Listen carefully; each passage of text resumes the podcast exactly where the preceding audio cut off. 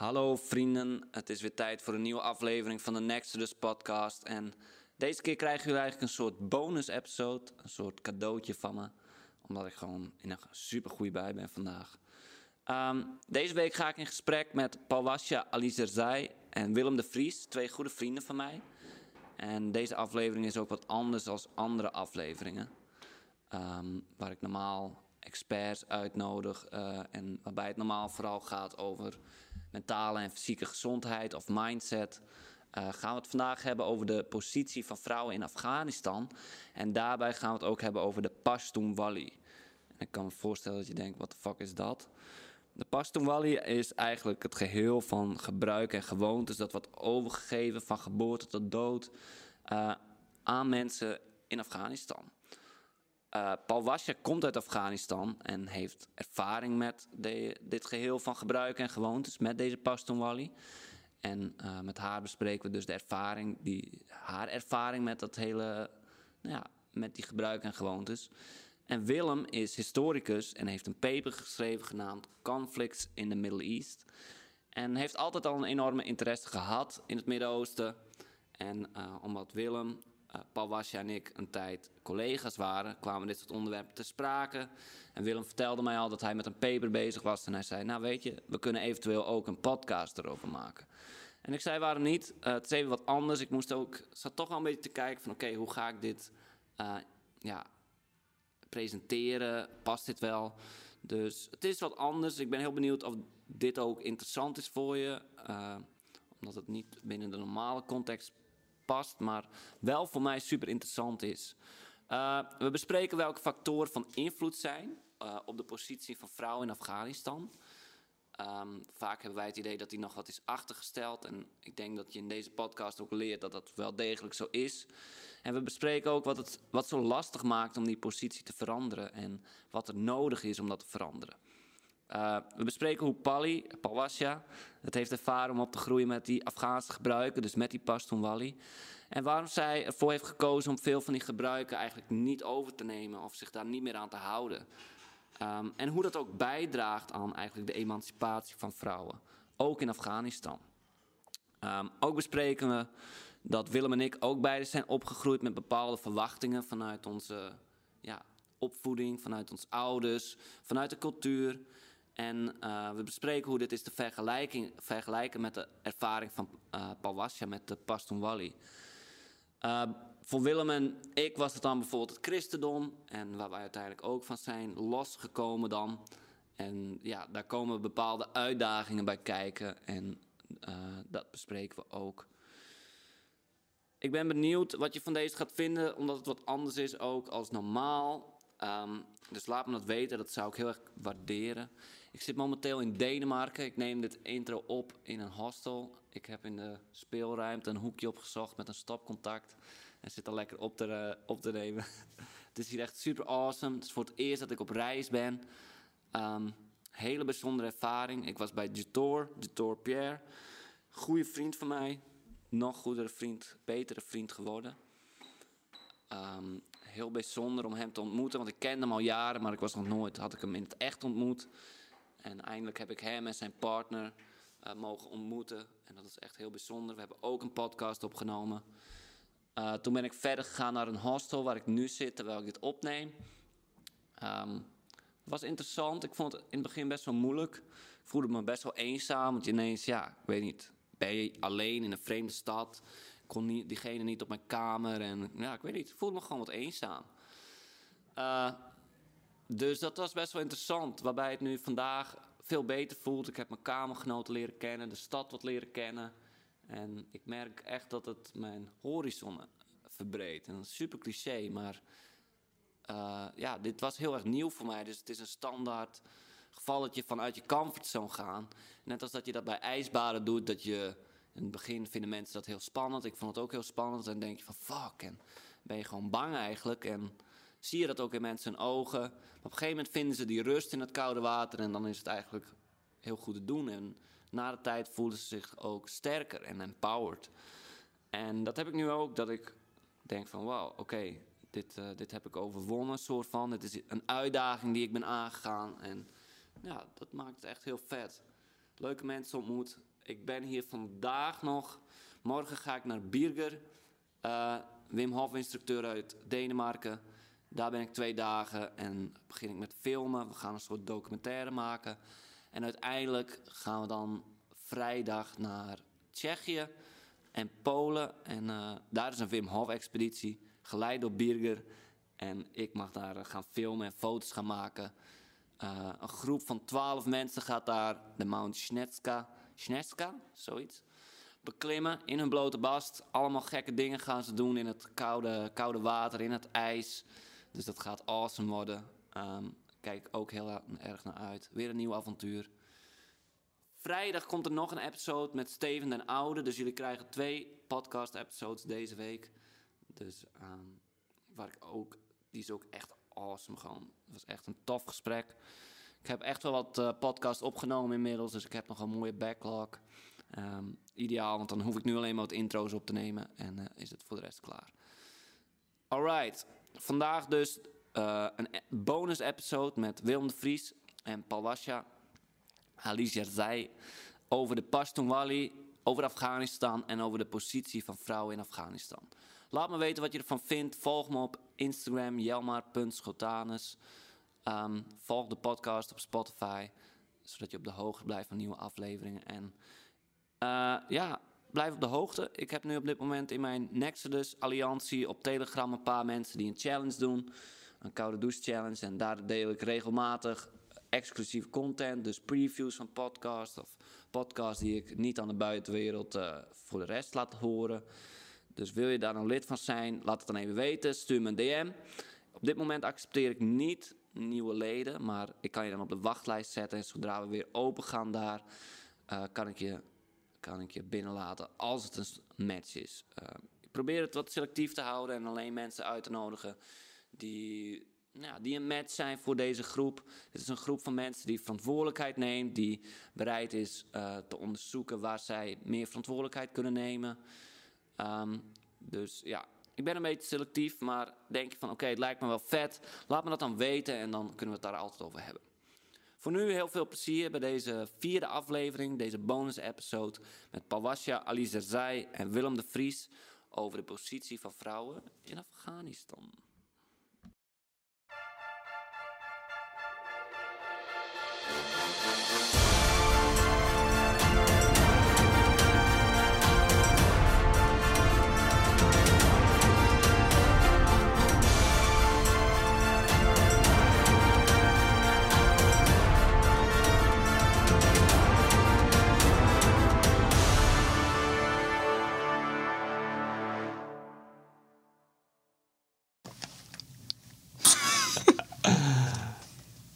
Paul Wasja, Ali Zerzai en Willem de Vries, welkom. Dankjewel, jongen. En uh, bij een bijzondere episode vandaag. Uh, jullie zijn natuurlijk goede vrienden van mij. En uh, ja, een bijzonder onderwerp ook. We gaan het hebben over Afghanistan. En we gaan het hebben over de rol van de Taliban. De, de, overname van het, van de Taliban. En over de Pashtun nou, wat dat is, dat uh, gaan de luisteraars zo meteen natuurlijk horen, want daar gaan we veel dieper op in. Maar we zijn hier eigenlijk ook op een bijzondere manier wel een beetje bij elkaar gekomen. Uh, ja, jij komt uit Afghanistan, uh, Ja, klopt. En ja, wij zijn collega's van elkaar geweest. Ik Ja. ben net gestopt daar. Absoluut. Maar nou ja, daar komen dit soort dingen te sprake. En we dachten, Willem die, is natuurlijk historicus. En die, Ja.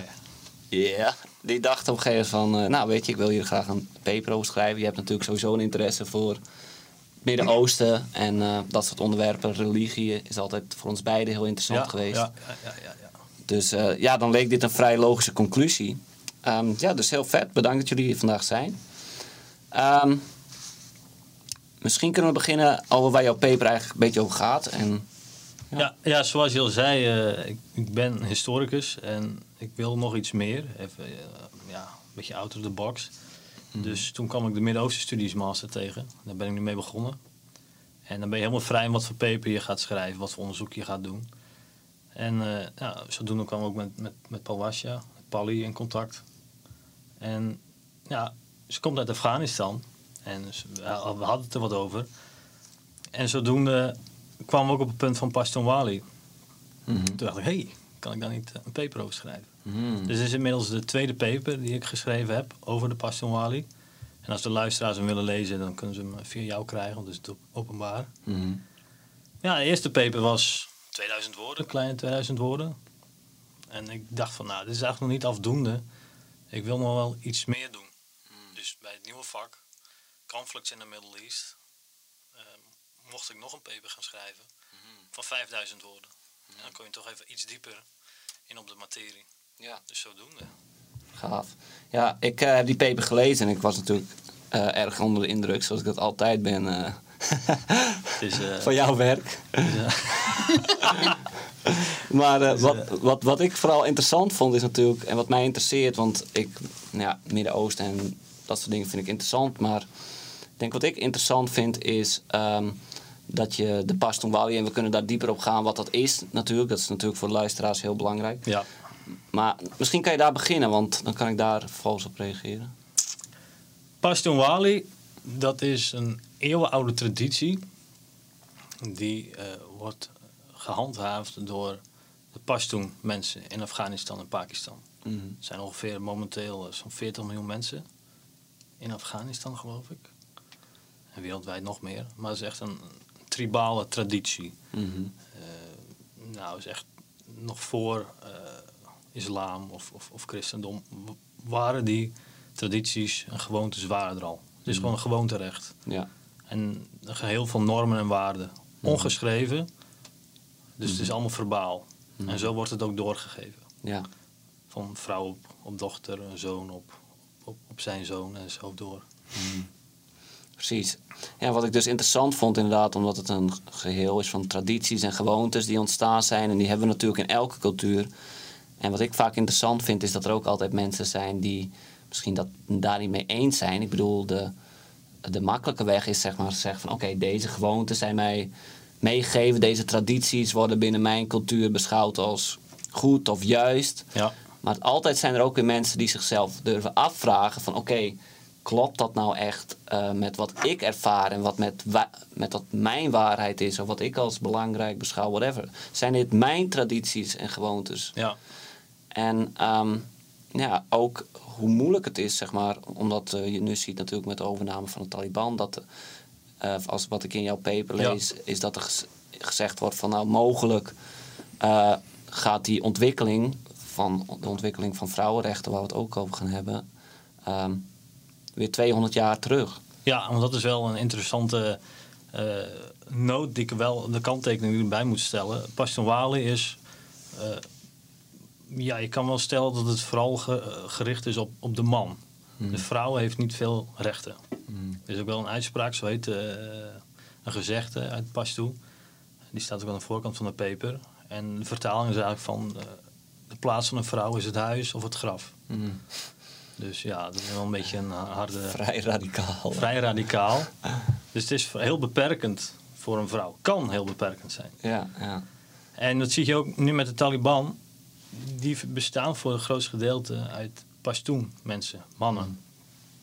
Dus je kan stellen, en dat stel ik ook in mijn paper, dat hun beleid, wat zij ook tijdens de eerste eh, machtsovername in 1997 tot 2001 voerden, en nu weer, is dat hun beleid een soort van combinatie is van islamwetten, regels, sharia, hun interpretatie natuurlijk daarvan. Mhm. Dat verschilt overal. En Pashtunwali. En dat zie je ook in de, in de, in de tijdelijke regering die gemaakt is eh, in Afghanistan. Ik geloof 31 mensen, of 32. En daarvan zijn 28 Pashtun. Mhm. Dus je kan wel stellen dat Pashtunwali sowieso invloed, eh, van invloed is op het beleid van de Taliban. Eh Pawasje, wat is jouw ervaring met die invloed van Pastonwali? Van dat geheel van gewoontes en tradities? Nou, ik ben zo opgevoed, dus ik heb het mijn hele leven meegemaakt, denk ik. Ja. Maar ehm, ik denk dat het ook verschilt per familie. Dus dat kan je ook wel zeggen. Het verschilt per familie. Hoe ben je opgevoed? Nou, mijn vader is naar school geweest, mijn moeder niet. Mm. Dus mijn vader wil ook dat ik naar school ga. En dat zal niet voor elke pastana gelden. Als je vader of je ouders niet naar school geweest zijn, dan is het heel normaal om niet naar school te gaan. Hmm. Dus ook weer hier geldt, ligt puur aan hoe misschien je ouders het opvatten. Mhm. En dat geef je dan door aan je kind. Ja, er is geen strikte, zeg maar, ook al is het een geheel van gewoontes en tradities, het is ook weer niet dat het geformuleerd is en dat je een boekje hebt, zeg maar, en Nee. meekrijgt van oké, dit is Paston Wally en hier zijn alle regels opgeschreven als een Nee. soort wetboek. Nee, Hoe zit dat dan? Want is er, hoe zijn die overeenkomsten? Of kan het ook per stad en per dorp verschillen? ik denk dat per stad, per dorp, per familie verschilt. Ehm, Ik ben vrij rebe- rebel in de familie. Dus het verschilt ook denk ik per kind. Ja. Want mijn zus is niet zo rebel. Dus ik heb vaker moeten aanhoren, dit kan niet, Pawasja. Mm, Vergeleken met mijn zus. ja. Dus eh, He- heb je daar ook voorbeelden van? Een voorbeeld denkt, ja, nou, grote mond tegen ouderen bijvoorbeeld. Dat kan niet. Je moet, je moet de ouderen niet aankijken ten eerste. Je moet naar beneden kijken. Maar ja, ik zeg wat ik vind. En inmiddels weten ze dat ook wel. Dus dan zegt ze, oh, dat moet je niet zo zeggen. Ik zo, hoezo niet? Dus dat zijn gewoon de kleinste dagelijkse voorbeelden. Bijvoorbeeld tegen je broer al. Dat kan het ook zo zijn. Ben ik het niet mee eens, zeg ik dan. Nou, dus het, is, het zijn gewoon echt per, per familie, per gezin. Ook per kind, denk ik. Ik ben de jongste. Ja. Dus misschien zijn, heb ik, ben ik wat verwend, denk ik. ook wel. ja. Maar ja, dat zijn wel de makkelijkste voorbeelden uit het dagelijks leven. Geen grote mond tegen ouderen, maar als je iets vindt, zeg je dat. Ja. Zo, zo heb ik dat geleerd. Mhm. Maar ik weet niet of dat dan vanuit de opvoeding komt of vanuit de invloed van de westerse wereld, omdat ik hier naar school ben geweest. Mm, Oké. Ja, want als je kijkt naar hoe die Paston Wally in Afghanistan wordt gehandhaafd of nageleefd, Ja. is misschien een beter woord. ehm, zijn er natuurlijk best wel veel dingen die ik in jouw paper ook herken en die jij net al zei, van de, de plek van de vrouw is in het huis of in het graf. Ja, ja. En dat zijn, als je het dan over vrouwen, vrouwen hebt, want dat, die Paston Wally omvat waarschijnlijk ook regels voor mannen. Je zei al, je moet een baard hebben. ja, nee, dat is de Taliban. De Oh, Taliban, oké, oké, de dat Taliban zegt nu, dat is dus een beetje, dat is dus eh, hun interpretatie van de sharia. Oké, oké, sorry. Maar in ieder geval, die Paston Wally is waarschijnlijk niet alleen op vrouwen gericht. Het is een heel geheel van. Ja, Maar voor vrouwen springt het er wat, bij vrouwen springt het wat uit die regels. Tenminste, omdat het zo anders is dan wat wij gewend zijn in onze westerse samenleving. Dus Ja. voorbeelden zijn dat je niet zonder begeleiding van familie, geloof ik, ja, Ja, eh, mag je niet naar buiten als Nee. vrouw zijnde. nee. En als je dat al mag, dan is wel de voorwaarde dat je ook een boerka of is een hoofddoek voldoende. Of- Ehm, voorheen eh, was een hoofddoek voldoende, maar dat was dan in de hoofdstad. Mm. Dus als je in het dorp woont, is het überhaupt... Nee, daar moet je niet aan denken om Nee. überhaupt alleen naar buiten te gaan. Nee. En als je dan met een man naar buiten gaat, dan moet je wel een burka geheel bekleed Hm. naar buiten. en s'nachts ook niet naar buiten. S'nachts sowieso niet naar S'avonds buiten. niet. S'avonds niet, nee. Oké, s s'nachts niet, want dan eh, kan je in een weerwolf veranderen. Ja, zeker. Maar sowieso, de situatie is wat gevaarlijk. Dus dan wil je s'nachts ook niet naar buiten. Ah, en dat geldt dan ook voor mannen. Hmm. Maar eh, wat mannen dan soort van als oproeping voelen of ze moeten zorgen voor de vrouw. Ja. Dus dan neem je vrouw sowieso niet mee naar buiten terwijl de situatie al slecht is. Ah, oké. Dus een beetje wat wij in Nederland qua avondklok hadden voor twee weken is daar zeg maar permanent. eh. Oké, ineens eh, krijg ik denk ik dat van, oh, Mark Rutte valt best mee. Ja, ja, ja. ja. Ik hoef niet een boerka aan tot nu toe, dus eh, Nee, nog niet. op een klein gedeelte. Maar, eh, maar eh, oké, en dat is natuurlijk, eh, dat maakt het natuurlijk voor ons opvallend. Dat wij denken van, oké, wij zien dit en het lijkt voor ons heel, ja, gewoon heel beperkend. Ik bedoel, Ja, je moet je ook wel inderdaad kanttekening stellen van wij kijken wel vanuit onze westerse bril. ja. Dus Ja. dan zeggen wij vrouwenrechten, ja, duh, Mm, dat is vanzelfsprekend. ja. Ja, dat is dus ook de taak ook bijvoorbeeld van een historicus. Hoe- Hoe kijken zij Mm. naar dit hele gebeuren? En hoe denk je dat zij hier naar kijken? Nou, ik denk dat het ook een heel interessante vraag is voor Pally. Van hoe, hoe, hoe kijken mannen in Afghanistan naar deze gang van zaken, naar vrouwenemancipatie? En vrouwen ook. En hoe kijken vrouwen? Ja, ehm, dat is een hele goede vraag. Want ik kijk er dan ook met een westerse bril Ja, naar. heb, heb je nog contact bijvoorbeeld met Ja. familieleden daar? Ja. En, eh, Ehm, het is, ik denk, ja, zij kennen mij als degene die overal iets van vindt. Dus ja. Eh, ze zijn dan ook wat soepeler met mij, naar mij toe. De familie in Afghanistan. Ik heb gisteren nog gebeld met ze. Maar de vrouwen die kennen niet anders. Dus voor hen is het gewoon heel normaal. Als zij iets niet mogen omdat de man dat zegt. Ja. En eh, de mannen, die kennen ook niet anders. Die hebben dat ook weer van hun ouders geleerd. Oudste zoon is de toekomstige baas van, een huis, van het huis. Dus mannen worden ook zo weer opgevoed. Ja. Dus die kennen uiteindelijk ook niet anders. En vrouwenrechten, ik denk dat dat in de hoofdstad dan... Oké, de vrouwenrechten zijn aanwezig. Vrouwen willen ook meer. Vrouwen Ja. mogen ook meer. Ja. Maar dan in de dorpen is dat dan minder. Maar dat is ook puur omdat ze daar dan nog wat conservatief zijn. In, in de hoofdstad gaan vrouwen naar school. In het dorp, ik denk niet dat de vrouwen naar school gaan. Nee, dat weet ik wel zeker. Vanuit mijn familie ga je dan naar school als in de Koran. Dus dan ga je naar de moskee, de Ja, Koranschool. eh, ja, Koranschool. De, nou, de moskee die je hebt in je dorp. Daar gaan soms vrouwen heen. Nou, toen ik daar was, gingen mijn nichtjes daarheen. En dat is dan de enige scholing die ze krijgen. Islamitisch. En tot welke leeftijd? Eh, ja, goede vraag. Hoe oud zijn mijn nichtjes? Ik ben 23. Dus ik denk tot inderdaad 24, Oké. 25. En daarna is het, je bent een vrouw, dan ben je waarschijnlijk al getrouwd. Dus dan is het weer aan je man met wie je getrouwd bent, wat voor rechten je hebt. Ja. En, ehm, en vaak is het dan moet je leren koken en het huishouden. Dus wel tot een wat jongere leeftijd dan ik. En is het, en is het dan een, traditie, een gebruik? Ja. Is het, zou je dat zeggen dat De- het Pastonwali is? Eh, wat je doet? Ja, al die... Ja, ja, ik denk het wel. Want iedereen is opgevoed volgens de traditie. Dus als vrouw zijnde krijg je kinderen, zorg je voor de kinderen en zorg je voor de man. En de man zorgt voor de vrouw. En is het ook van jou geëist? Ja, nou, het is niet geëist. Mijn moeder wilde, wat, net als ik, eh, mijn moeder wilde dat ik ging leren koken. En mijn moeder is natuurlijk wel opgevoed zo in Afghanistan. Mhm. Dus voor haar is het heel normaal dat haar dochters dat ook doen. Ja. Omdat ze zo is opgevoed. Omdat Mhm. haar zussen zo zijn opgevoed. Dus eh, het was heel grappig. Zei ze, nou, je kan niks koken. Je kan alleen een eitje koken. je moet wat leren koken. Ik zo, nee, dat hoeft niet. Waarom Mhm. moet dat? Nou, ik deed dat toen ook. Toen- ik jouw leeftijd was, kon ik zorgen voor het hele huis. Mhm. Ik zei, ja, maar dat hey, luister even. Ik ga naar school. Ik heb huiswerk. Ik heb een bijbaantje. Heb jij dat allemaal gehad? Mhm. Nee. Nou, dus je kan niet van mij hetzelfde leven eisen als dat jij hebt gehad. Dus ik kan niet hetzelfde leven leven Nee. als jullie. Dus dat gaat niet. Nee. Dus het werd, daarna heeft ze ook ingezien van ze heeft gelijk. Ik, ze heeft niet hetzelfde leven als ik. Zij gaat waarschijnlijk niet voor haar kinderen zorgen. Waarschijnlijk gaat ze werken. Dus het gaat natuurlijk werken, want ze gaat naar school. Slimme meid. Ja. dus eh, toen zag ze wel van oké, dat gaat. ik kan het nu wel gaan eisen, maar het past waarschijnlijk ook niet in haar schema. nee. Want het schema die zij had was alleen maar binnen huis. Ze was Mhm. altijd thuis. Ja.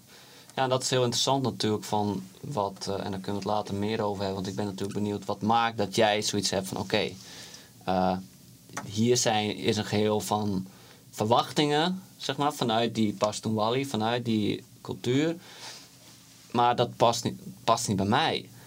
En, eh, maar waar ik nog even op terug wil komen is van natuurlijk, nogmaals, wij zien het vanuit de westerse visie als zeer beperkend, weet je wel.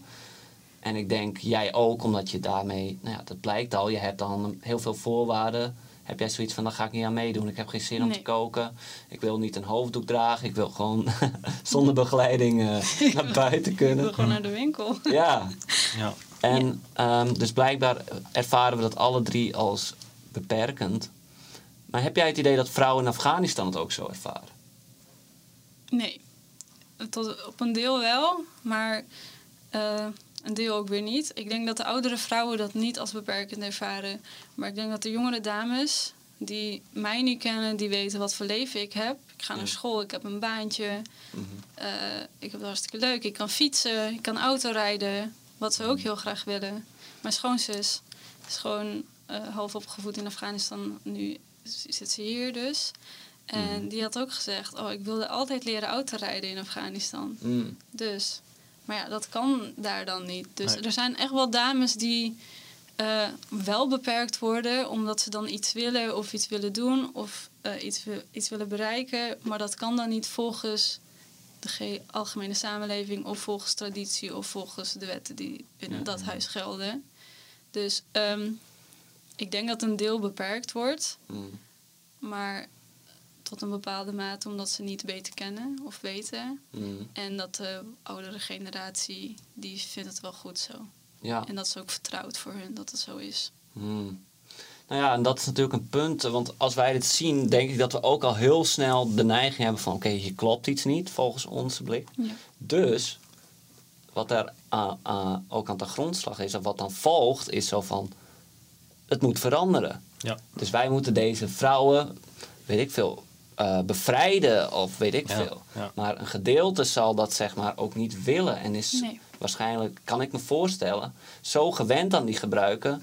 eh, ontleent daar een zekere mate van identiteit aan. Dus dan kan je daar komen met, eh, met eh, weet ik veel, met een leger en iedereen bevrijden en zeggen: Weet je, vanaf nu mag je gewoon lekker naar buiten. En dan zegt die vrouw: van, Ja, wat fuck, ik wil gewoon lekker binnen zitten.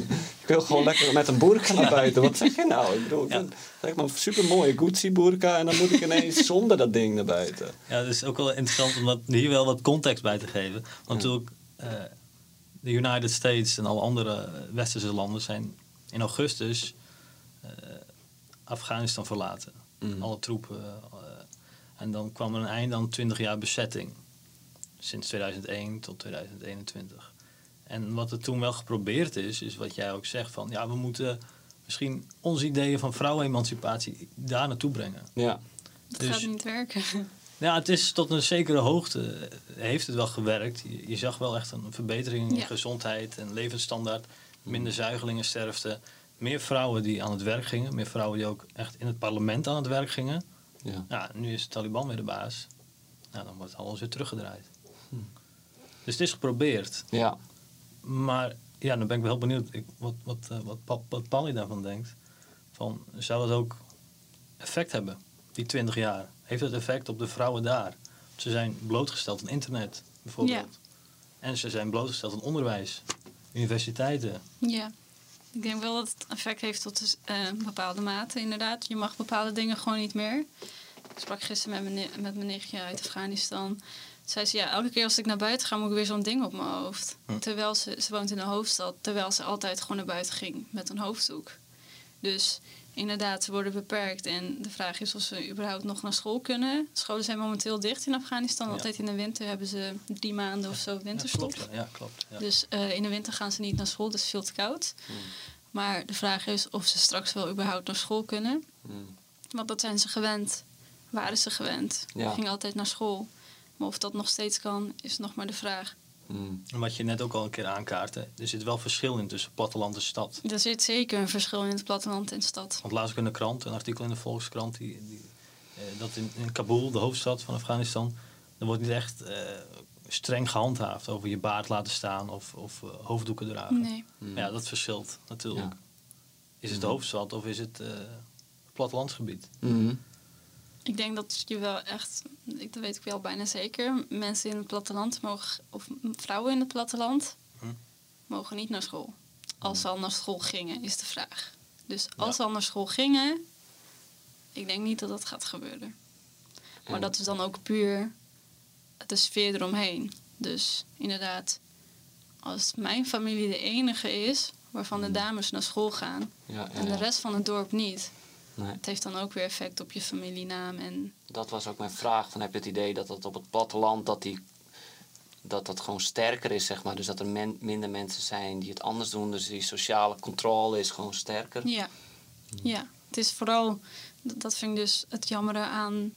Ik heb een hartstikke mooi geloof, mooie tradities. Ik ben blij dat ik Pastana ben. Dan ben ik een beetje nationalistisch ook wel. Mhm. Maar het is vooral het sociale, sterke controle die je erbij krijgt. Ja. In sommige families meer dan in andere families. Mhm.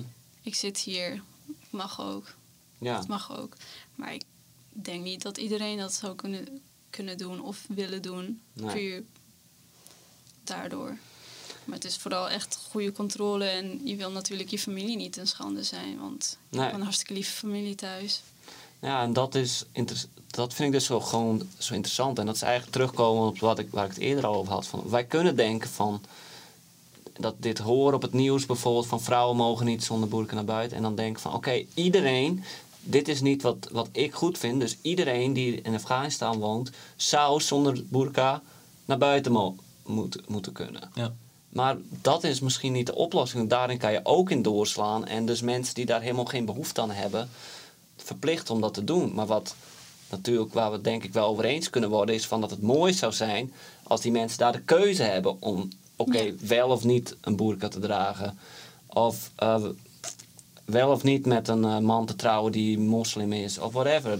Zoveel regels, al die, die regels die binnen, dat, eh, binnen die traditie van Wali gelden, om daar een keuze in te maken. En nu denk ik dat, heb ik het gevoel als ik jou hoor en als ik jouw paper lees, Willem, van dat dat er niet is. En dat dat mogelijk ook door die aanwezigheid, die overname van de Taliban, nog meer beperkt wordt. Die keuze, vrijheid om zelf te bepalen wat, wat, voor, wat voor jou belangrijk is. Wat zijn jouw normen en waarden. En ik denk dat we daarin wel iets gemeen hebben. En ik denk ook, dat is wel grappig, want eigenlijk zijn we alle drie ook de jongste binnen de familie.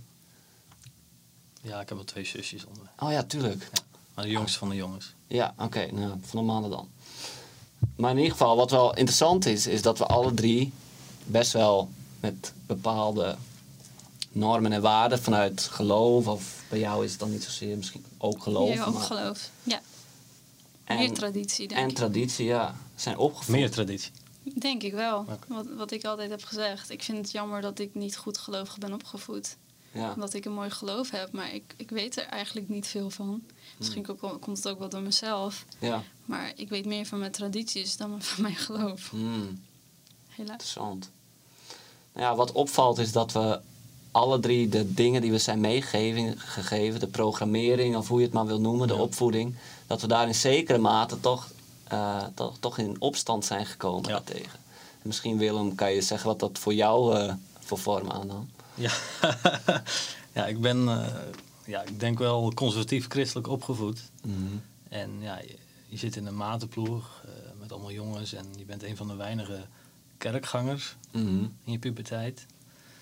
En je hebt wel vragen. Ja. En die vragen worden niet beantwoord door je ouders. Mhm. eh, ook niet door meneer de pastoor. Mhm. En ook niet door de Bijbel. Nee. En dan ga je dan ergens anders opzoeken, want ik krijg de antwoorden niet. En zo gaat het balletje rollen en dan begin je te twijfelen. Ja. Nou, en op laatst, die twijfel leidt tot discussie. En dis discussie kan soms tot ergernis leiden.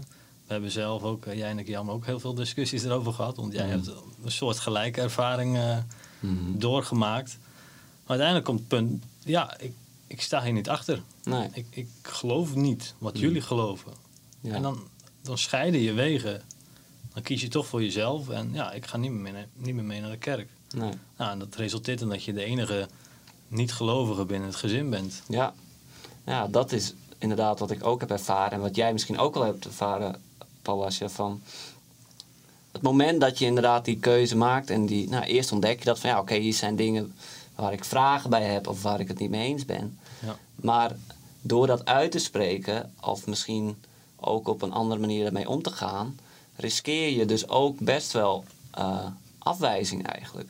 En als je daar op een diep niveau naar gaat kijken, is dat voor mensen vanuit een evolutionair perspectief het misschien wel het meest gevaarlijke wat je kan doen. Ja. Het is nog sterker als eh, bijvoorbeeld zeggen van, eh, ja weet ik, we hebben allemaal angst bijvoorbeeld voor, als je het hebt over een angst voor public speaking, voor presentaties geven, waar heel veel mensen last van hebben, is dat ook afwijzing. En het is logisch, want vanuit een evolutionair perspectief in ieder geval, zijn onze ouders heel erg belangrijk voor ons. Die helpen ons, eh, zo- we zijn super lang afhankelijk van onze ouders. En iedereen wil het liefst dat je goedkeuring ontvangt van je ouders. Dus als je dan ineens zegt van ja, fuck it, eh, ja, voor ons was dat het geval dan Willem van, nou, we willen niet meer naar de kerk. Of Nee. ik heb me op een gegeven moment uitgeschreven bij de kerk. En ik weet nog dat mijn moeder dat echt heel moeilijk vond en mijn vader ook. En daar nou, hele heftige discussies Ja, over moeten, moeten voeren. Dus het is heel logisch ook dat, en begrijpelijk dat veel mensen daar eh, weerstand of dat moeilijk zullen vinden. Dus ik, als je het dan hebt over nou, dat we het wel eens zijn dat het heel beperkend is, die regels die daar nu gelden, en dat dat misschien nog erger wordt door wat de Taliban komende tijd gaat invoeren qua beleid of whatever. Ehm, maar wat, ik weet niet of de oplossing is om het dan eh, met, eh, met force door te voeren. Maar misschien heb jij daar een perspectief op van wat zou voor jou een invloed kunnen hebben om die beperkingen misschien wat minder te maken. Ja. Ehm, vind het zo jammer, zeg maar. Het enige wat mij vooral dwars zit, ik ben nog steeds gelovig. Ik Mm, ben hartstikke gelukkig thuis. mm, Maar mijn, mijn probleem was dan, zeg maar, jullie hadden geloof dat jullie niet meer geloofden. mm, En mijn probleem was ongelijkheid. mm, Dus vrouw is minder dan een man. ja. En daar kon ik niet tegen. Ik kan nog steeds niet tegen. Ik ben het er ook niet mee eens, dus dat la- laat ik ook wel weten. mm. Maar ehm, Dat komt vooral uit de traditie. Hoe bedoel je? Een vrouw is minder dan de man. Ja. Oké. Ja, denk ik wel. Ja, want het geloof heeft nooit gezegd dat ik minder rechten heb. Nee. Dat weet ik. Het geloof heeft gezegd dat de vrouw haast bijna boven de man staat, zou ik zeggen. maar Mm. het geloof heeft eh, een vrouw heel veel rechten gegeven. En ehm, daar wordt niet altijd naartoe gehanteerd binnen mijn traditie. En daar ben ik het dan niet mee eens. Dus daar ga ik me dan ook voor uitspreken. Mhm. Maar eh, wat er zou moeten veranderen in Afghanistan, dat was je vraag toch? Ja, wat ja. Wat er zou moeten veranderen. Ik denk. ehm, er zijn eh, in de hoofdstad zijn er demonstraties geweest van vrouwen. Er zijn vrouwen die wat vrijer zijn. Of die vrijer denken. Mhm. Maar ik, ik vind persoonlijk vind ik het jammer dat er niet genoeg vrouwen zijn die opkomen voor hun gedachten, voor hun denken. Eh, bijvoorbeeld, ja, ik kom ervoor op. Maar het zou mij gunstig, niet gunstig liggen, maar het zou mooi zijn als ik niet de enige was binnen de familie, dan niet alleen binnen het gezin, ja. maar binnen de familie. Dus als mijn nichten bijvoorbeeld ook zouden zeggen van ja, hallo, Mhm. ik ga het ook niet zo doen, want ik heb ook rechten. Mhm. Dus als er meerdere vrouwen ook in Afghanistan, dus niet het blindelings volgen van. Zo, dat zou de grootste verandering zijn. En dan kun je prima, dus voor een bepaalde groep wel zeggen van oké, nou, jij vindt het mooi, nou prima, Mhm. goed. Maar zij vinden het niet mooi, dus zij doet het niet zo. Ja. Dus dan heb je toch wel degene die het wel willen en degene die het niet willen. Mhm. Maar je spreekt nu over vrouwen. Ja, eh, maar moeten mannen niet wat doen? Jonge mannen? ja mannen moeten heel veel doen. Mannen, ja. Oké. Ja, het, het grootste probleem is dus de onderdrukking vanuit de mannenkant, Hmm. denk, vind ik. Mhm. Want eh, vrouwen durven niet te denken, durven niet te handelen naar hun denken. Maar dat wordt ook niet gevraagd. van Nee. Vrouwen. Nee, dus als de onderdrukking vanuit de mannen weg zou gaan, Ja. dan zou je zelf al dat proces op gang krijgen als in een vrouw vindt iets, dus een vrouw handelt daarnaar. Mhm. Maar nu kan een vrouw niet iets vinden, dus ze kan er ook niet naar handelen. Want de man zegt nee, zo gaan we het niet doen. Als jij als vrouw zegt, ik ga even naar de winkel. Ja. En dan ga je alleen naar de winkel. Ja. En als de man niet zegt van nee, ik moet mee, Mhm. dan kan je prima alleen naar de winkel. En dan zul je wel zien dat er meerdere vrouwen alleen naar de winkel gaan. Ja. Maar als jij zegt, ik ga naar de winkel, wil je met mij mee? Mhm. Want ik mag niet alleen naar de winkel. Of dat de man zegt, ja prima dat je naar de winkel gaat, maar ik moet mee. Mhm. Dus Het lastige lijkt me in deze eh, situatie van stel inderdaad dat gebeurt. Stel een man zegt van nou ik ben progressief en eh, ik sta er toe dat mijn vrouw alleen naar buiten gaat. Ehm, en dat weet jij beter dan ik. Van, is het dan inderdaad zo dat het ehm, dat dat een verandering teweeg zal brengen? Of zal het systeem, zeg maar, en die Pashtun Wali, die zal dat zichzelf alsnog proberen in stand te houden en gewoon proberen, bijvoorbeeld als die vrouw op straat gaat, om haar dan eh, aan te vallen of door die familie dusdanig ten schande te maken en als voorbeeld te laten dienen voor de rest, dat het echt super moeilijk is om uiteindelijk het echt te veranderen. Of verandert dat als er maar genoeg eh, mannen dat zouden zeggen? Ja, dat weet je nooit. Nee. Je weet nooit op welke kant het op gaat. Het kan ook te ver gaan. Van je denkt van, oh, misschien was het toch wel beter Ja. hoe het was. Mhm. Dat is dus het vertrouwen. Dat je, je hebt gewoon een structuur in je leven. Voor wat oudere vrouwen is dat gewoon structuur en fijn. Ja. Dus ik spreek niet voor alle vrouwen. Nee. Ik vind het ook heel fijn dat ik bepaalde tradities heb aangeleerd. Mhm. Dus eh, en ik denk, ehm, ja, dat weet je niet. Nee. Ik Ja, weet we- ook niet. Het heeft ook te maken met het land zelf. Ja, ja. Dus eh, inderdaad, als één iemand binnen de familie zegt... nou, ik doe dit niet zo... dan val je ook al uit het, bo Ja, uit ja, ja. het bootje. Dus dan hoor je ook niet echt meer bij de familie. Ja, weet je wat? eh, Kijk, stel wij doen dat hier soortgelijk gedrag. En nu heb ik het idee dat dat tegenwoordig iets anders ligt. eh, maar daar zullen we in deze podcast niet verder heel diep op ingaan.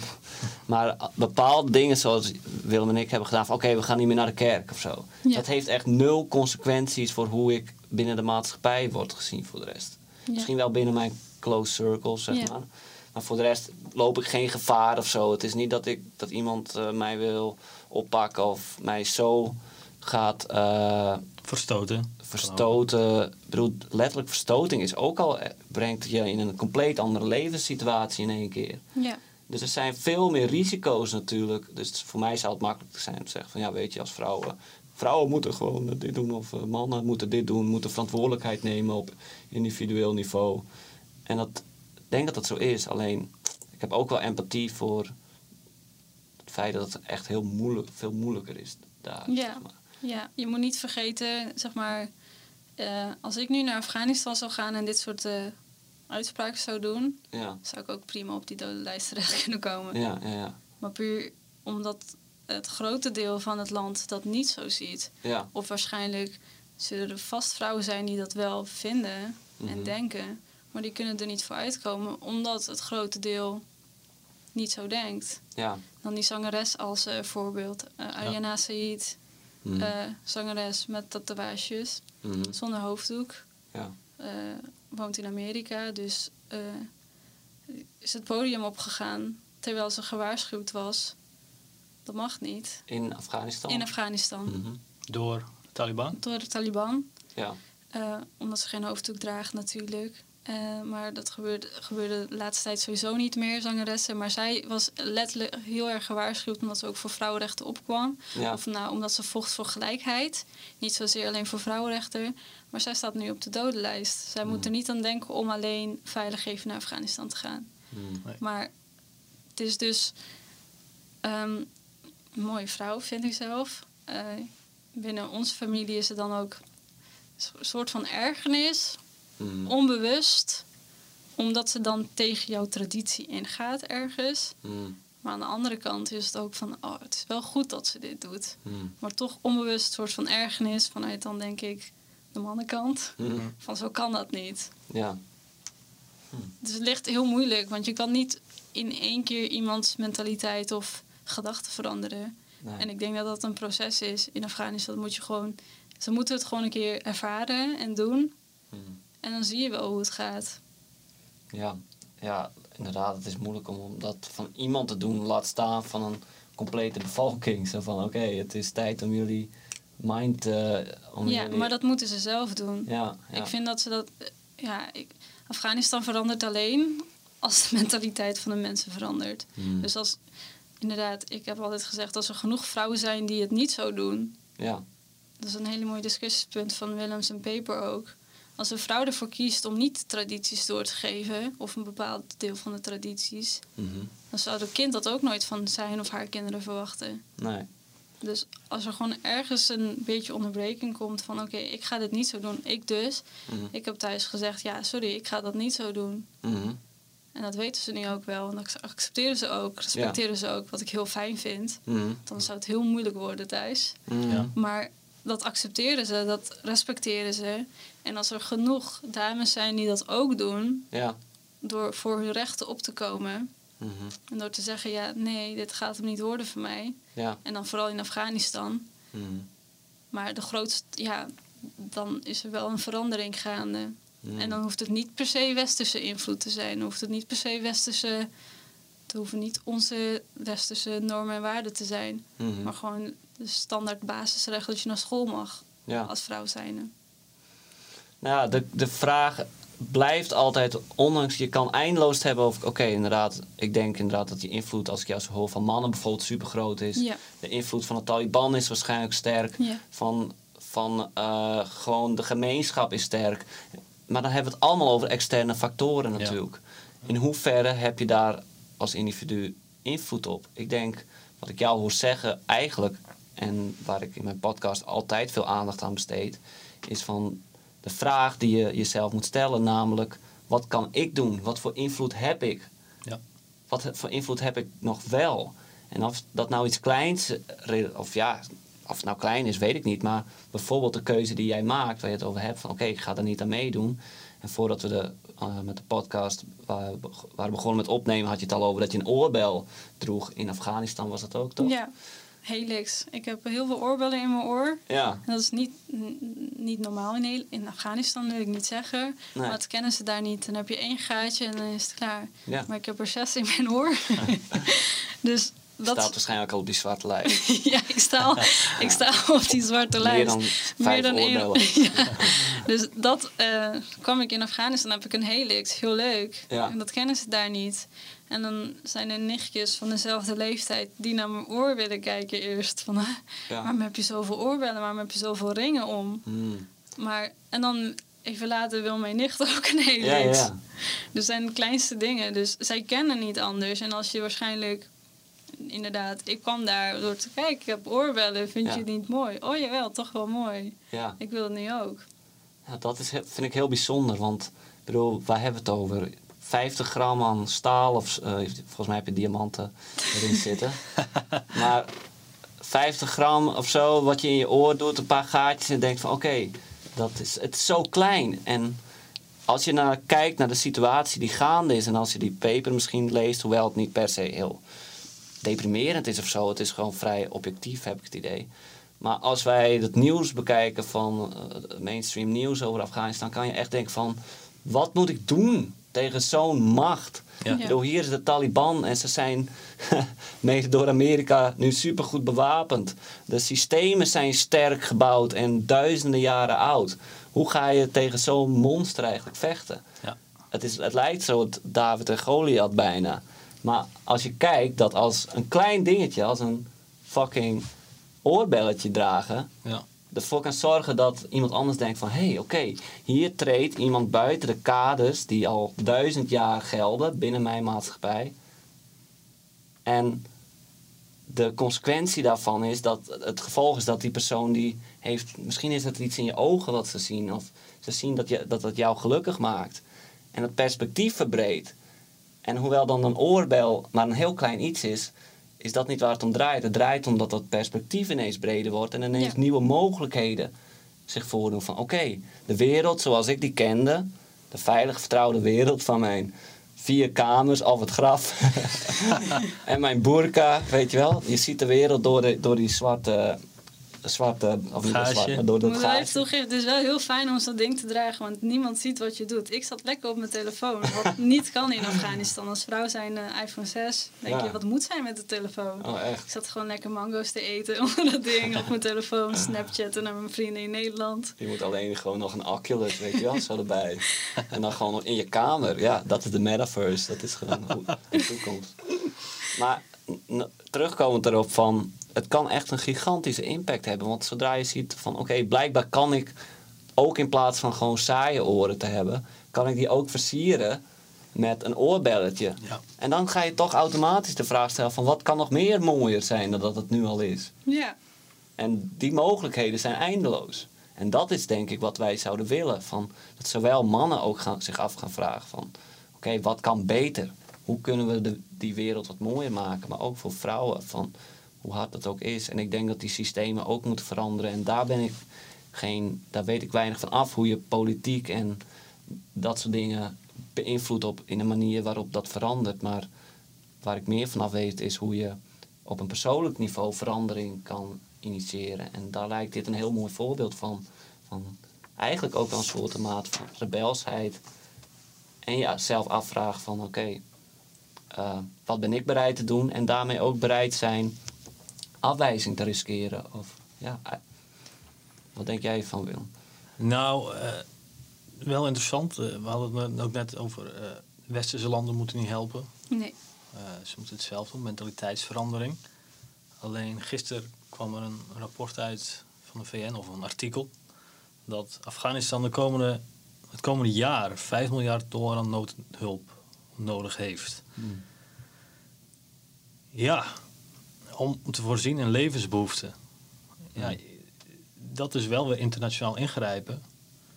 Maar misschien zou ik zo ook kunnen zeggen, ja, dan ga ik wel heel erg, eh, ja, even, even ja, out of the box denken. Je zou eventueel kunnen zeggen van, nou, prima, eh, je krijgt wat noodhulp, maar dan willen we ook dat vrouwen gegarandeerd onderwijs krijgen. Mm. Dus ik denk, een manier om een mentaal mentaliteitsverandering door te voeren, Mm. is onderwijs. Mm. Dat is dé manier, Ja. denk Ja. ik.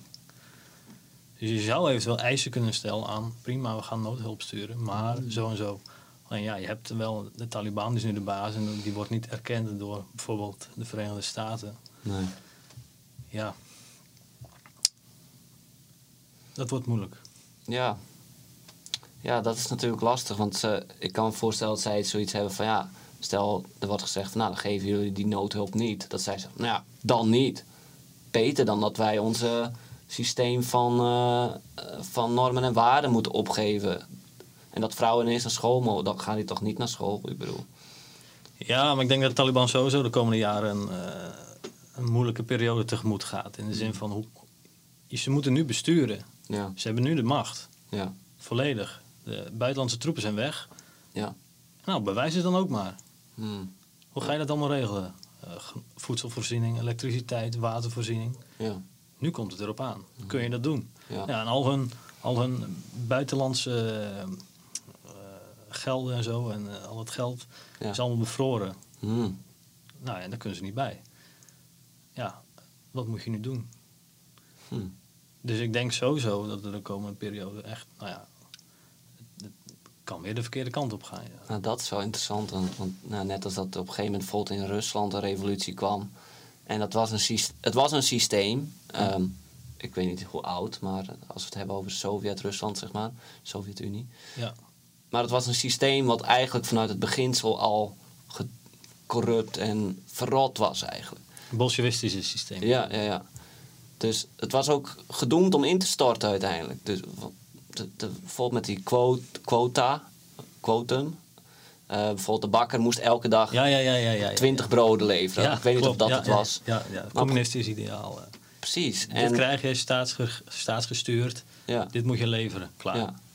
Nou, en op zich, zeg maar, zoals als idee, van ja, we kunnen dit proberen. Nou, dat deden ze. Maar ja, als de bakker moest zijn broden maken. En eh, als hij dat niet, als dat niet lukte, ja, God weet wat er met hem gebeurde. Maar als hij niet zijn, zijn ingrediënten kon krijgen, dus er was niet genoeg meel, hij moest Ja. gewoon die, Ja, die fucking 20 broden re- Tuurlijk, leveren. ja. Dus als hij de zaagsel in moest doen, om Tuurlijk. alsnog die broden te leveren. Dus in ieder geval, dat, dat systeem stort op een gegeven moment in. Dus nou, waarbij dit, als ik jou hoor, dan is er ook een mogelijkheid dat dit eh, een risico is voor de Taliban op dit moment. Hoe heb jij het idee dat het is georganiseerd daar? Nou, ehm, het is echt een en al een grap. Ja. Eh, als ik met mijn familie ook praat. Eh, mijn broer zei toen aan het begin, oh, dit is gewoon even een spelletje. Hmm, Want zij, het is, zij weten niks. nee.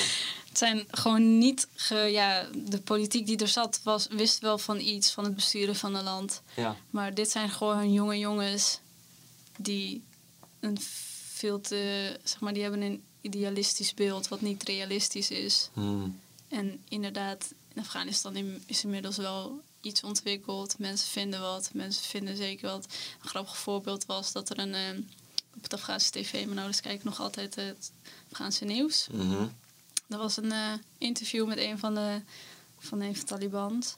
ja, En de interviewer vroeg, heb je wel gedoucht? hmm, Dus gewoon puur heel ontwikkeld. Van, nou, je ruikt niet zo fris, heb je wel gedoucht? ja, Nou, die, die jongen, die Taliban, die weet niet hoe die daarop reageren moet. nee. Dus heel naïef en heel niet ontwikkeld. Hmm, Gewoon heel een beetje, ik wil niet barbaars noemen, want zo bedoel ik het dan niet eigenlijk. Maar gewoon niet echt met de tijd mee. nee. Die leeft zo in een andere wereld. Hmm, En die interviewer is daarna nooit meer gezien of gehoord. Puur omdat hij dus hem een beetje voor schut had gezegd. ja, fuck, ja. Dus eh, ze, ja, ze, ze doen maar wat. Het, is, het is ook wel een kanttekening. Het is geen uniforme groep. Het is niet, Nee, nee, ze zijn nee. niet overal hetzelfde. Nee, ze zijn niet overal hetzelfde. Nou, we hebben dan contact met mijn oom in de, in de hoofdstad. Nou, daar is, gaat het leven nog wel een beetje door. En dan ook wel met eh, familie in het dorp waar ik vandaan kom. Ja, het leven gaat ook door, maar het is inderdaad heel veel mag niet meer. Nee. Maar ehm, daar zijn ze dan net iets strenger of zijn, hanteren ze het net iets anders dan in de hoofdstad. Ja. Maar het is gewoon, het is van alles wat. Het is echt een en al grap. Dus de vraag is, hoe lang houden ze dit nog vol? Mm. Inderdaad, hoe lang stort het land in omdat er gewoon een hongersnood is? Want Mm. hongersnood, dat is er nu vooral ook. Mm. En ehm, hoe lang kunnen ze ook inderdaad blijven regeren, uniform zijn, dus boven de mensen staan? Klinkt niet heel eh, als een hele hoopvolle toekomst voor in ieder geval de Taliban en het. Ja, Nee. Nee, ze worden een beetje belachelijk gemaakt ook wel. ja.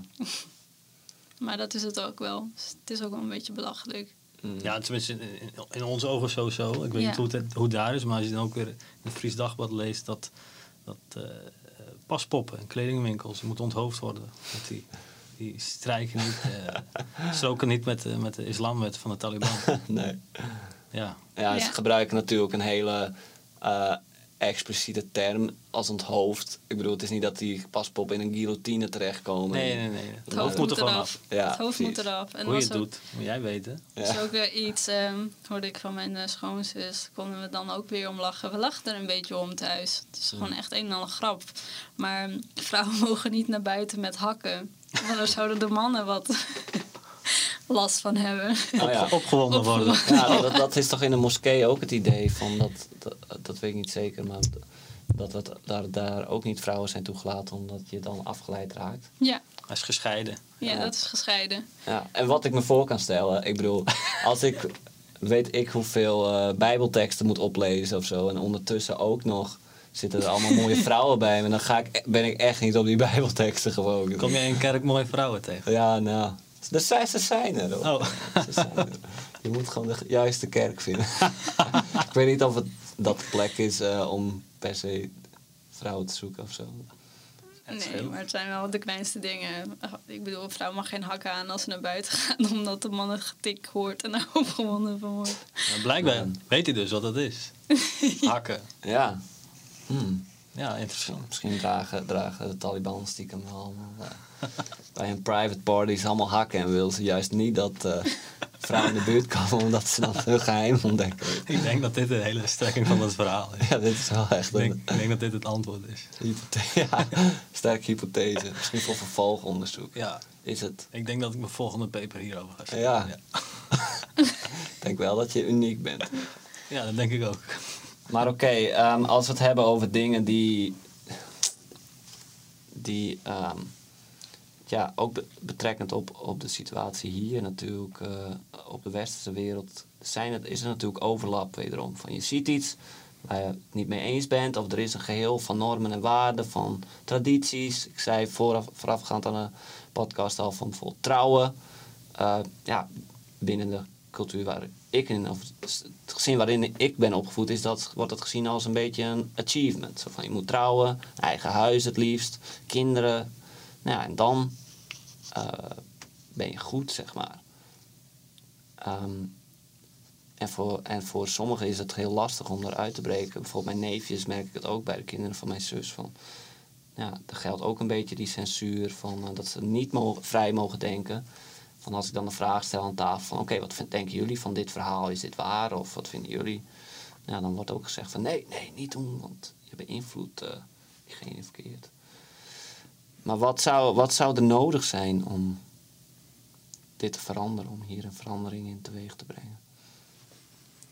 Verschilt natuurlijk op verschillende levels. We hadden het al over persoonlijke verantwoordelijkheid en kleine dingetjes. Ja, ik denk dat ik toch weer bij hetzelfde punt terugkom. Misschien heeft Paulie daar een andere aanvulling. Maar ik, ik, ik zou echt streven naar het onderwijs. Ja. Eh, zelfstandig leren nadenken. Hmm. En niet afhankelijk zijn van de man. Ja. Ik Ja. geloof dat dat, dat, dat, eh, dat ook een dingetje is. Dat eh, het krijgen van een vrouw op een andere manier ervaren... of het krijgen van een dochter op een andere manier ervaren wordt... dan het krijgen van een zoon. Ja. Een vrouw, ehm, ik heb daar vaak genoeg achteraan gegaan. Ben ik daar vaak genoeg achteraan gegaan van hallo. Waren jullie dan niet blij toen ik geboren werd? Hmm. Natuurlijk wel. Maar ehm, vrouw wordt gezien als een zorg. Mm. Dan moet je voor zorgen. Je moet ervoor zorgen dat ze gaat trouwen. Dus dat gebeurt dan ook via de familie. Dus een vrouw wordt gezien als een zorg. En een man redt zich wel. Ja. Dat is eigenlijk de hele... Mm. Dat is mij verteld. Ja.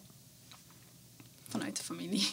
Ja, dat is natuurlijk ook niet, niet iets nieuws per se. Het, ja, sorry dat ik het zeg, maar het klinkt gewoon echt wat middeleeuws. Want in de middeleeuwen was dat ook... Ja, maar het is ook wel... Ze zijn ook gewoon niet... on- het is gewoon niet ontwikkeld nee, daar. nee, nee. En het is ook gewoon echt ouderwets. Maar het, hele, het is heel, heel dubbel, eh, ja, dubbel ook. Ehm, ik zat in een auto toen ik in Afghanistan was op vakantie. Mhm. Ehm, nou, dan zit er een vrouw in een auto. En dan opeens heeft die auto voorrang. Want er Ja. zit een vrouw in een auto. Mm. Dat ik denk, oh, dan, dan kan het opeens wel. Zeg Mm. maar, dus omdat er een vrouw in een auto zit... Nou, gaan we even helpen als de auto vastzit. Omdat je, dus dan gaan we even helpen. Stap de andere auto's die wij überhaupt niet kennen. Wat voor mensen dat zijn, wie dat zijn. Nou, zit er, maar er zit een vrouw in een auto, dus we gaan even helpen. Mm. Of het helpen, band verwisselen. Of heb je nog wat nodig? Wil je wat drinken? Dus, maar, en dan is het zeg maar... Maar het wordt gezien als een soort zorg. Van, Mm. oh, dit is een vrouw. Ja, Dus we moeten wel. ja. Waarvan ik denk, ja, nou jullie hoeven niet te helpen hoor. Ik kan ook wel prima, ik kan hier wel zitten, blijven zitten. Mm. Maar een vrouw moet zo snel mogelijk eigenlijk door Mm. om weer binnen huis te komen. Dat zou je kunnen zeggen. Het is Ja. gewoon zo snel mogelijk helpen, zodat die vrouw niet op Ah, straat te zien is. Ja. Ja, ja, ja. Denk ik dan. Ik weet niet Ah. wat de gedachte er is, Nee, maar dat denk ik. Ja. Ja, geen idee. Het is wel interessant dat inderdaad... Bedoel, als jij als vrouw zijnde inderdaad zegt van... ik heb liever een vrouw... Of sorry, ik heb liever een zoon dan een dochter... dan weet je eigenlijk ook al dat jouw ouders waarschijnlijk ook liever een zoon hadden gehad dan jou. Dus het zegt ook wel iets over hoe waarschijnlijk vrouwen zichzelf zien. Misschien en het, en het gevoel van, van eigenwaarde of van waarde in vergelijking tot- met een man. Blijkbaar ben, word jij gezien als minderwaardig binnen die uh, Ja. Maar dat is het ook. Dat, dat is dus waar ik me dan aan stoor. Dus wat ik ook aangaf, dat er niet meer vrouwen zijn die daarvoor opkomen. Omdat ze maar, ze zien zichzelf waarschijnlijk als minder. Nou, dat zal wel niet zo zijn. Ja, on- onterecht ergens wel. Maar puur omdat ze dat altijd zo hebben aangeleerd. Dus altijd Mm. zo geweest. Ja. Dus ze gaan denken, oh, ik heb geen rechten. Maar dat weten ze niet. Hm. Dus inderdaad, wat Willem zegt. De grootste verandering die je kan brengen is dat iedereen naar school gaat. En dan zowel mannen, want het zijn er ook niet de slimste daar, Hm. als vrouwen. Want als een man niet naar school gaat, dan leert hij ook niet Hmm, om anders te denken. om anders te denken. Ja. Die wordt gewoon, heeft gewoon oogkleppen op. Dat merkte ik ook. eh, mijn neef had ook oogkleppen op. Totdat ik ze vertelde, ik heb een bijbaantje, ik studeer. eh, ik doe allemaal dingen naast. Ik Ja. verdien meer geld dan jij. Dan beseft ze zich ook van, oh, het is niet een vrouw. hmm. Ze kan ook gewoon inkomen hebben. Ze is, ze is slim, intelligent. Ze kan zorgen voor zichzelf. Dus dat, Mhm. dat hadden ze opeens van, oh, nou, Pawasha, die kan wel wat. Dat zeiden ze ook. Pawasha zegt, die kan wel wat. Ja. Dan denk ik, ja, maar ik hoef niet de enige te zijn. Hmm, Misschien kan zij dat ook, als je haar de mogelijkheid geeft ja. om Ja. dat te doen. Maar wordt die stap gemaakt? Is het alleen individueel van opa Wasja, die kan dit? Of denken ze ook van, oh misschien kan mijn zus het Ja, ook? maar dat, dat, dat vraag ik me dus af. Ik heb heel Ja. veel grenzen opgezocht binnen de familie. Nog steeds ook, dat zoek ik ook op. En nog steeds de liefste, geliefdste thuis. Ja. Dus, eh, Ja. en ik denk ook, omdat, ja, ik zeg ook heel veel, Pawasha kan heel veel. Maar dan denk ik, ja, maar is het puur omdat ik dit doe? Maar geloof je heilig ook, misschien kan je ook wel denken, zij kan dat ook. Hmm, Maar ik weet niet of ze dat denken. Maar het is omdat ik het doe en ze zien, ze zien dat ik het doe. ja. Dus dan, maar het is ook heel moeilijk om in Afghanistan, want ik kom daar als vakantieganger. En, en ik ga er weer weg. Ja. Dus ik ben daar voor een paar maanden en misschien is, speelt dat ook wel wat. Dat is een soort van gastvrijheid van oké, ze moeten wel een mooie tijd hebben hier. En, maar die zus, zusjes, die leven daar hun hele leven. Ja. Hmm, Dus in, tot hoeverre geef je die vrijheid? ja. Want ik ga toch wel weer weg. Pasje gaat wel weer weg. Die gaat, heeft haar eigen leven in Nederland. ja. Maar tot hoeverre... eh mijn oom, een heel goed voorbeeld. Mijn oom is overleden heel jong. heeft jonge dochters en eh, zoontjes, gewoon jonge kinderen overgehouden. En de vrouw mag niet zoveel, dus wij hebben de zorg op ons genomen. Maar mijn vader heeft er heel erg op gehamerd dat die dochters naar school moesten. Daar waren mijn ooms het niet mee eens. Want dan zorg je soort van als familie voor dat gezin. Mhm. Dus toen heeft mijn vader gezegd, nou dan neem, ik de hele zorg op me. Mm. Ik heb jullie hulp niet nodig. Dus mijn vader heeft, dat vind ik dan wel heel mooi, mijn vader heeft dan die dochters naar de hoofdstad gestuurd. Want daar woont mijn andere oom. Van, nou, zij verblijven hier, ik, verblijf, ik eh, betaal de kosten wel. Ja. Want die meiden moeten naar school. Ja. Dus die zijn allemaal naar school geweest. En dat is ook, dat is ook de familie waar ik gewoon een gesprek mee kan voeren. Mhm. Want die dames, ik kan, eh, dat, is, dat is de dame die een helix wilt. Oh ja. Of die een telefoon nodig heeft, omdat ze, ja, of een iPad hebben we ook nog heen gestuurd, zodat ze kan studeren. en Dat Ja. soort dingen. En dames die zegt, oh, ik wil eigenlijk verpleegster worden, in plaats van ik wil huisvrouw worden met kinderen. Mhm. Dus puur omdat ze naar school zijn geweest, denken ze anders dan mijn nichtjes en neefjes uit het dorp. Mhm. Dus puur omdat ze verplicht naar school zijn gestuurd, soort van door mijn Mm. vader, bes- beseft ze toch van, oh, ik kan wel meer dan alleen Ja. voor mijn kinderen zorgen. Ik wil gewoon werken, zei mijn Mm. nicht. Ik wil gewoon werken in een ziekenhuis. Ja. Dus het is gewoon echt onderwijs, denk ik. Ja. Nou, dat is wel interessant dat blijkbaar een relatief, nou niet gedwongen misschien, maar toch wel dat zo'n interventie wel echt goed eh, lijkt te zijn. Eh, ook al hebben mensen, ik bedoel, wij vonden school ook misschien kut in het begin, weet je wel. Niet zo van, Ja. oh yes. Ehm, en je kan eh, heel wat dingen zeggen, denk ik, over ons schoolsysteem. Ehm, maar dat in ieder geval op een bepaalde manier wordt geleerd voor mensen om vragen te stellen bij dingen en, an- en andere perspectieven te bieden.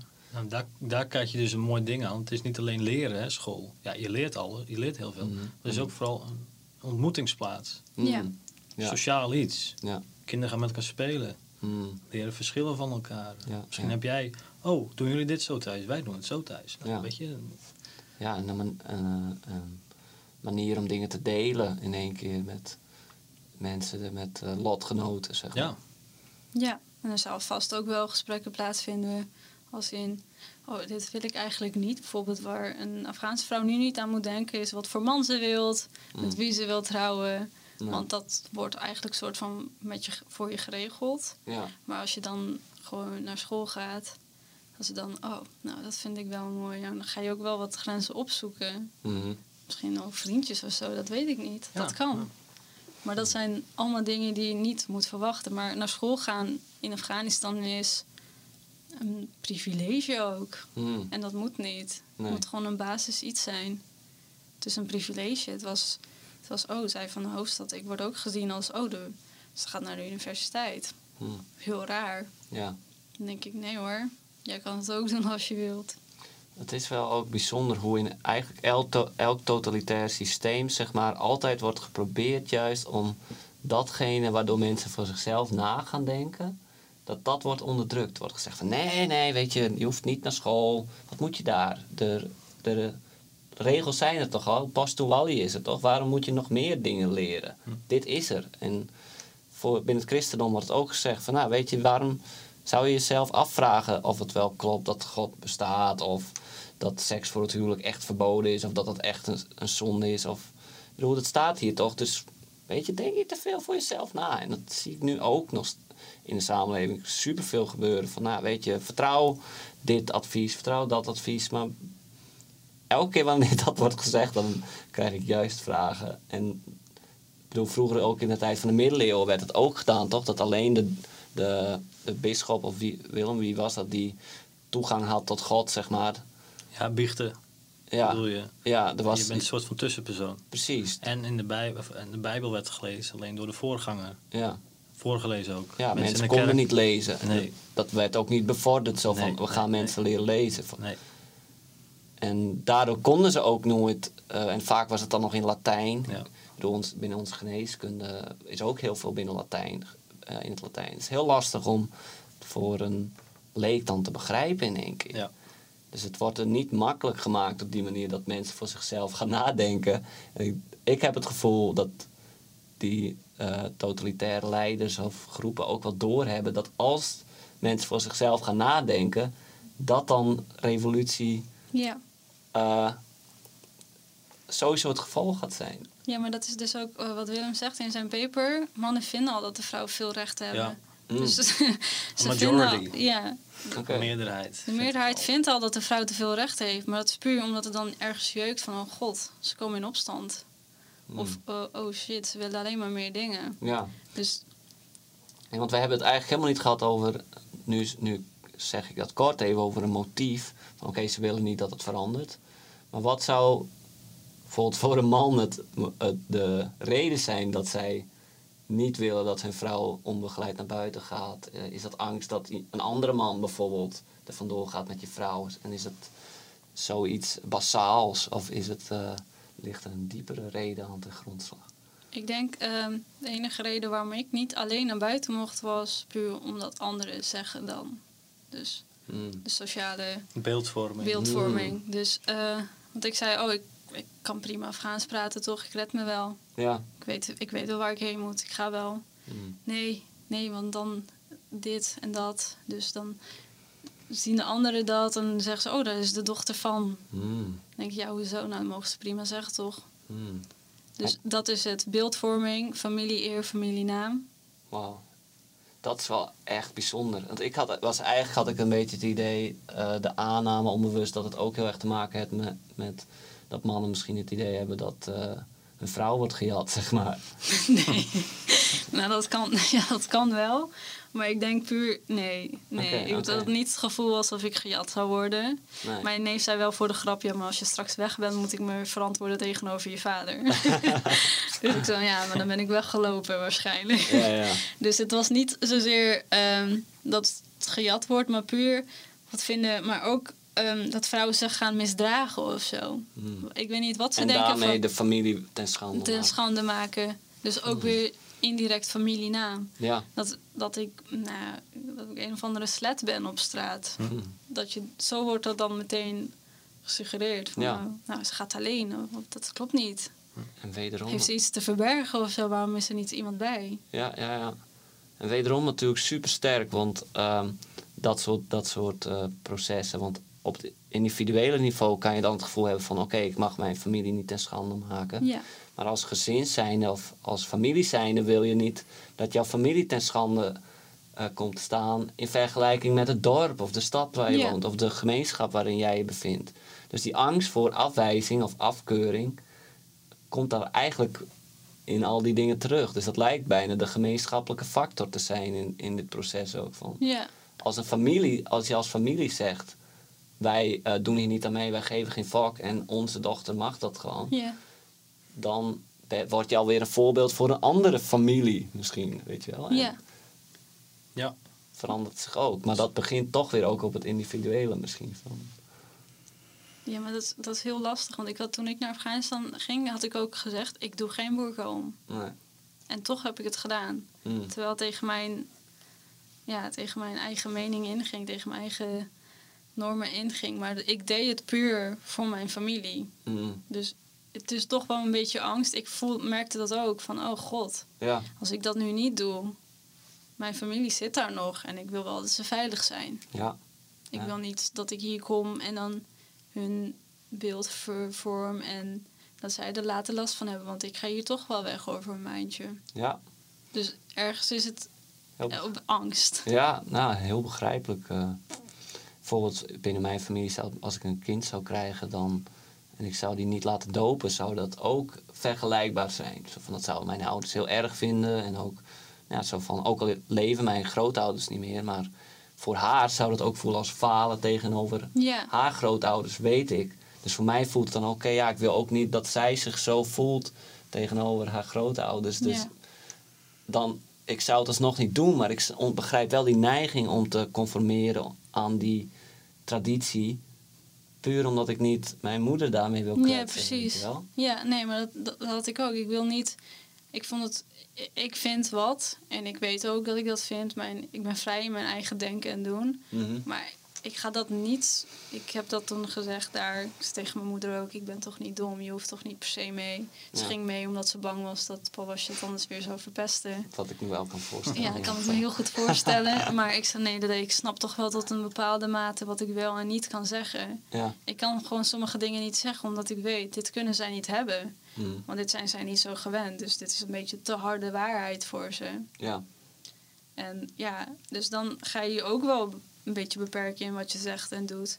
Mhm. Puur omdat je weet, oké, als ik dit nu ga doen, dan worden heel veel mensen beledigd en gekwetst. En, en maar denk jij dat het mogelijk is om ooit zeg maar, die verandering te realiseren? Als, Nou, ik als ben. mensen niet bereid zijn alsnog die afwijzing en die pijn misschien van niet conformeren aan die tra- tradities en gewoontes eh, te accepteren. Nou, dat is dus. Dat, ik hoop het. Ik weet het niet, maar ik hoop het. Ik hoop gewoon dat het eh, op een gegeven moment.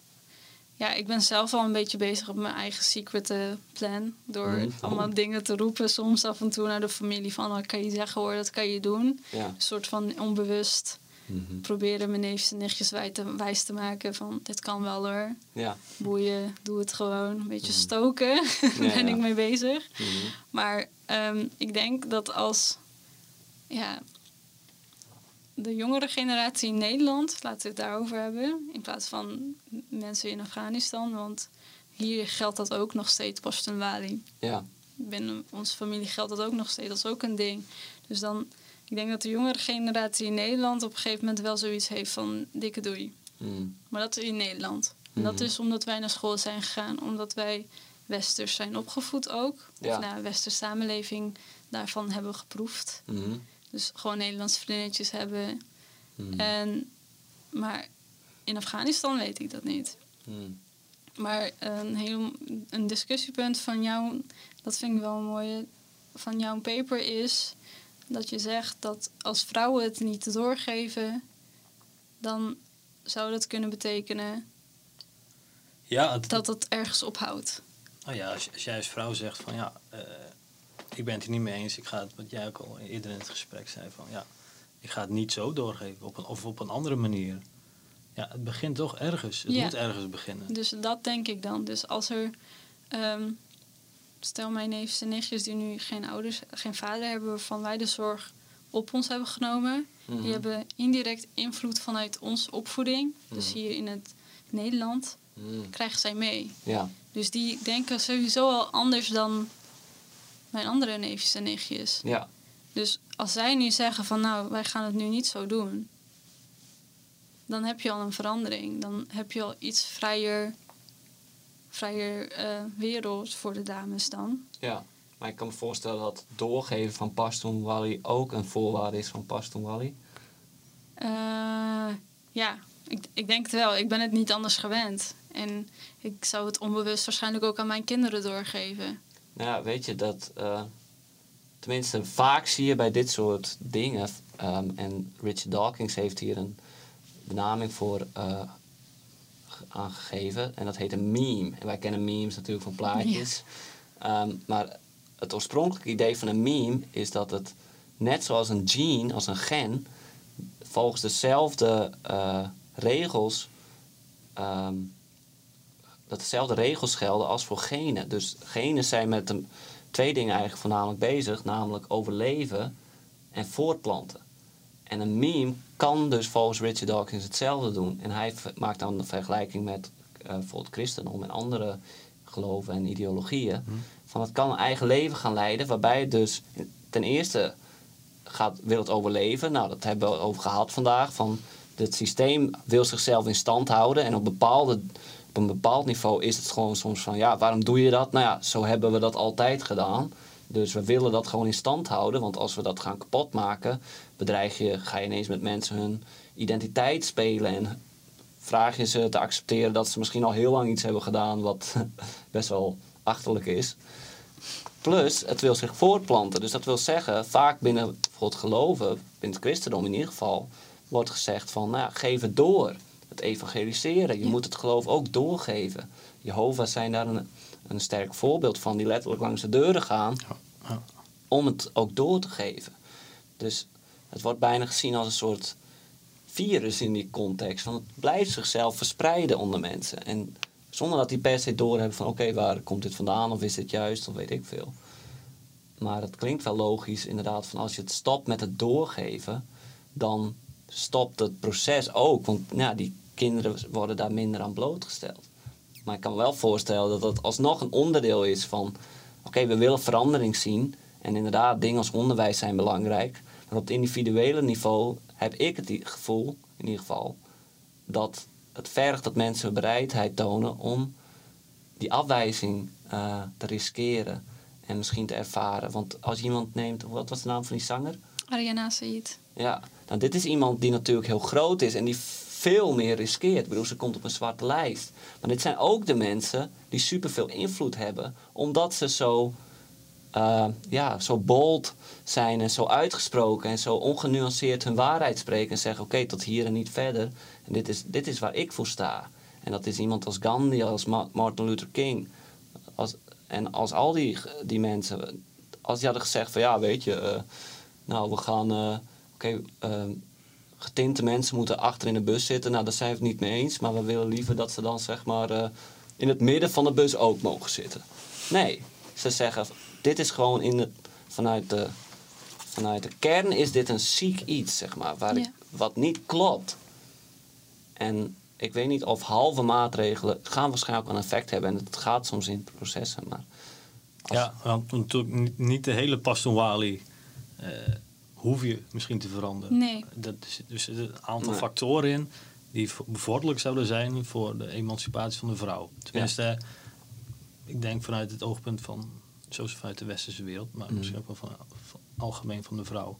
Ja, Ja, dus als zeg maar vrouwen moeten stoppen met het doorgeven van het feit. Zeg maar, ik ga niet aan mijn dochter doorgeven dat ze niks betekent. Hm. Wat dus nu in Afghanistan gaande is. ja. Dat ga ik niet doorgeven. Nee. Natuurlijk ga ik alle andere leuke tradities doorgeven, want het is iets moois. Het Gastvrijheid. heeft, ja, eh, vrijheid, gastvrijheid hebben we. Dat Ja. vind ik heel belangrijk.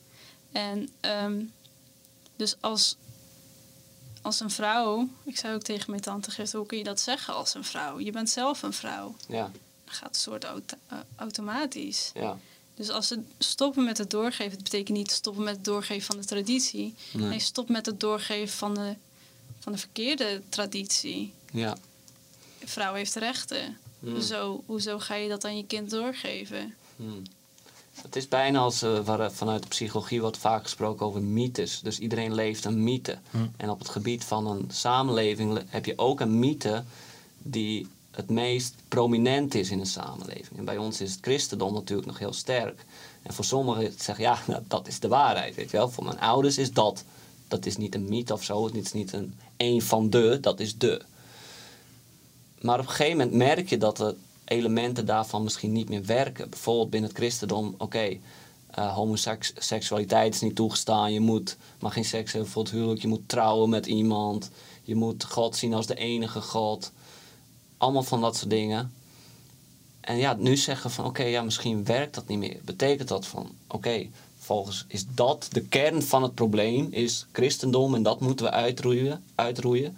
Dat is natuurlijk wat bepaalde atheïsten bijvoorbeeld zeggen. Van, nou, ja, eh, militant atheism, je moet daar tegen vechten. Je moet tegen Paston Wally bestrijden, want dat is de kern van het probleem. Maar ik denk dat we in ieder geval wel eh, elkaar vinden in de conclusie van dat dat niet het probleem is. Het probleem is dat mensen niet vrij mogen denken Ja. Ja. en niet zelf beslissingen mogen maken.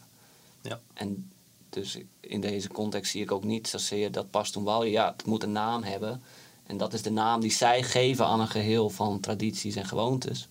Maar dat is niet wat het probleem is aan dat systeem. Want we, ik denk dat tradities en gewoontes super mooi zijn. Tuurlijk. En je kan zelf bepalen van wel, wat jij nu doet. Van oké, dit vind ik wel mooi en dit niet. En daarmee creëer je dus je eigen mythe die voor jou werkt. Ja. Een mythe die voor de wereld misschien ook werkt. Zo van oké, als iedereen zou doen wat ik nu doe, zou de wereld dan een mooiere plek worden. En als je daarover kan nadenken, dan kan je gaan kijken van oké, wat zijn de consequenties en wat heeft dat voor resultaat. Maar als dat al niet eens mag, dan ben je dus opgezadeld met een mythe die mogelijk schade, schadelijk is. En ja, binnen onze westerse samenleving zie je dat dat steeds meer uitsterft en dat we überhaupt geen mythe hebben. Nee. Dus die gewoontes en tradities van vroeger zijn gewoon überhaupt aan het weggaan. Wat ook een soort nihilisme met zich meebrengt. En ook de ten ondergang van een samenleving eh, kan betekenen. Dus dat is niet beter. Ehm, maar ik denk dat, we, dat, we, dat de tijd is, en het zou mooi zijn dat dat op een gegeven moment eh, die verandering te uh, in, uh, hoe zeg je dat? Dat die verandering kan beginnen, ook in Afghanistan, waar mensen logisch zelf kunnen beslissen: oké, dit werkt voor mij, net als dat jij dat nu kan. Ja, maar dan zou ik wel moeten zeggen, dan alleen een vrouw kan dat niet. Nee. Dus dan, wat jij in je paper hebt, Willem, het is de man. Mm. Door, het, het, is niet alleen de man, het is niet alleen de Taliban, is ook de vrouw. Ja. Dus de combinatie van beide factoren. Een vrouw kan nu wel wat denken wat ze wil, maar als de Taliban Mm. zegt nee, dit, doe het niet. Ja, ja. Maar je hebt ook steun nodig van je man. Goed punt, ja. Heel goed punt. Ik denk inderdaad voor die mannen die misschien. eh, die, zijn misschien nog wel het bangst voor die. om niet binnen die patronen te passen en afgewezen te worden. Ja. En voor die eer om hun familie ten schande te maken. Ja, want de man heeft nu de grootste verantwoordelijkheid, want die moet zorgen voor de familie. Ja, Dus als jij niet kan zorgen voor je familie, ben je geen man. nee. Niet man van de familie dan. Nou, dat is ook interessant natuurlijk. Van wat betekent het om een man te zijn? En betekent niet zo van, oké, mannen moeten dan minder man zijn, maar die moeten gewoon juist hun verantwoordelijkheid nemen.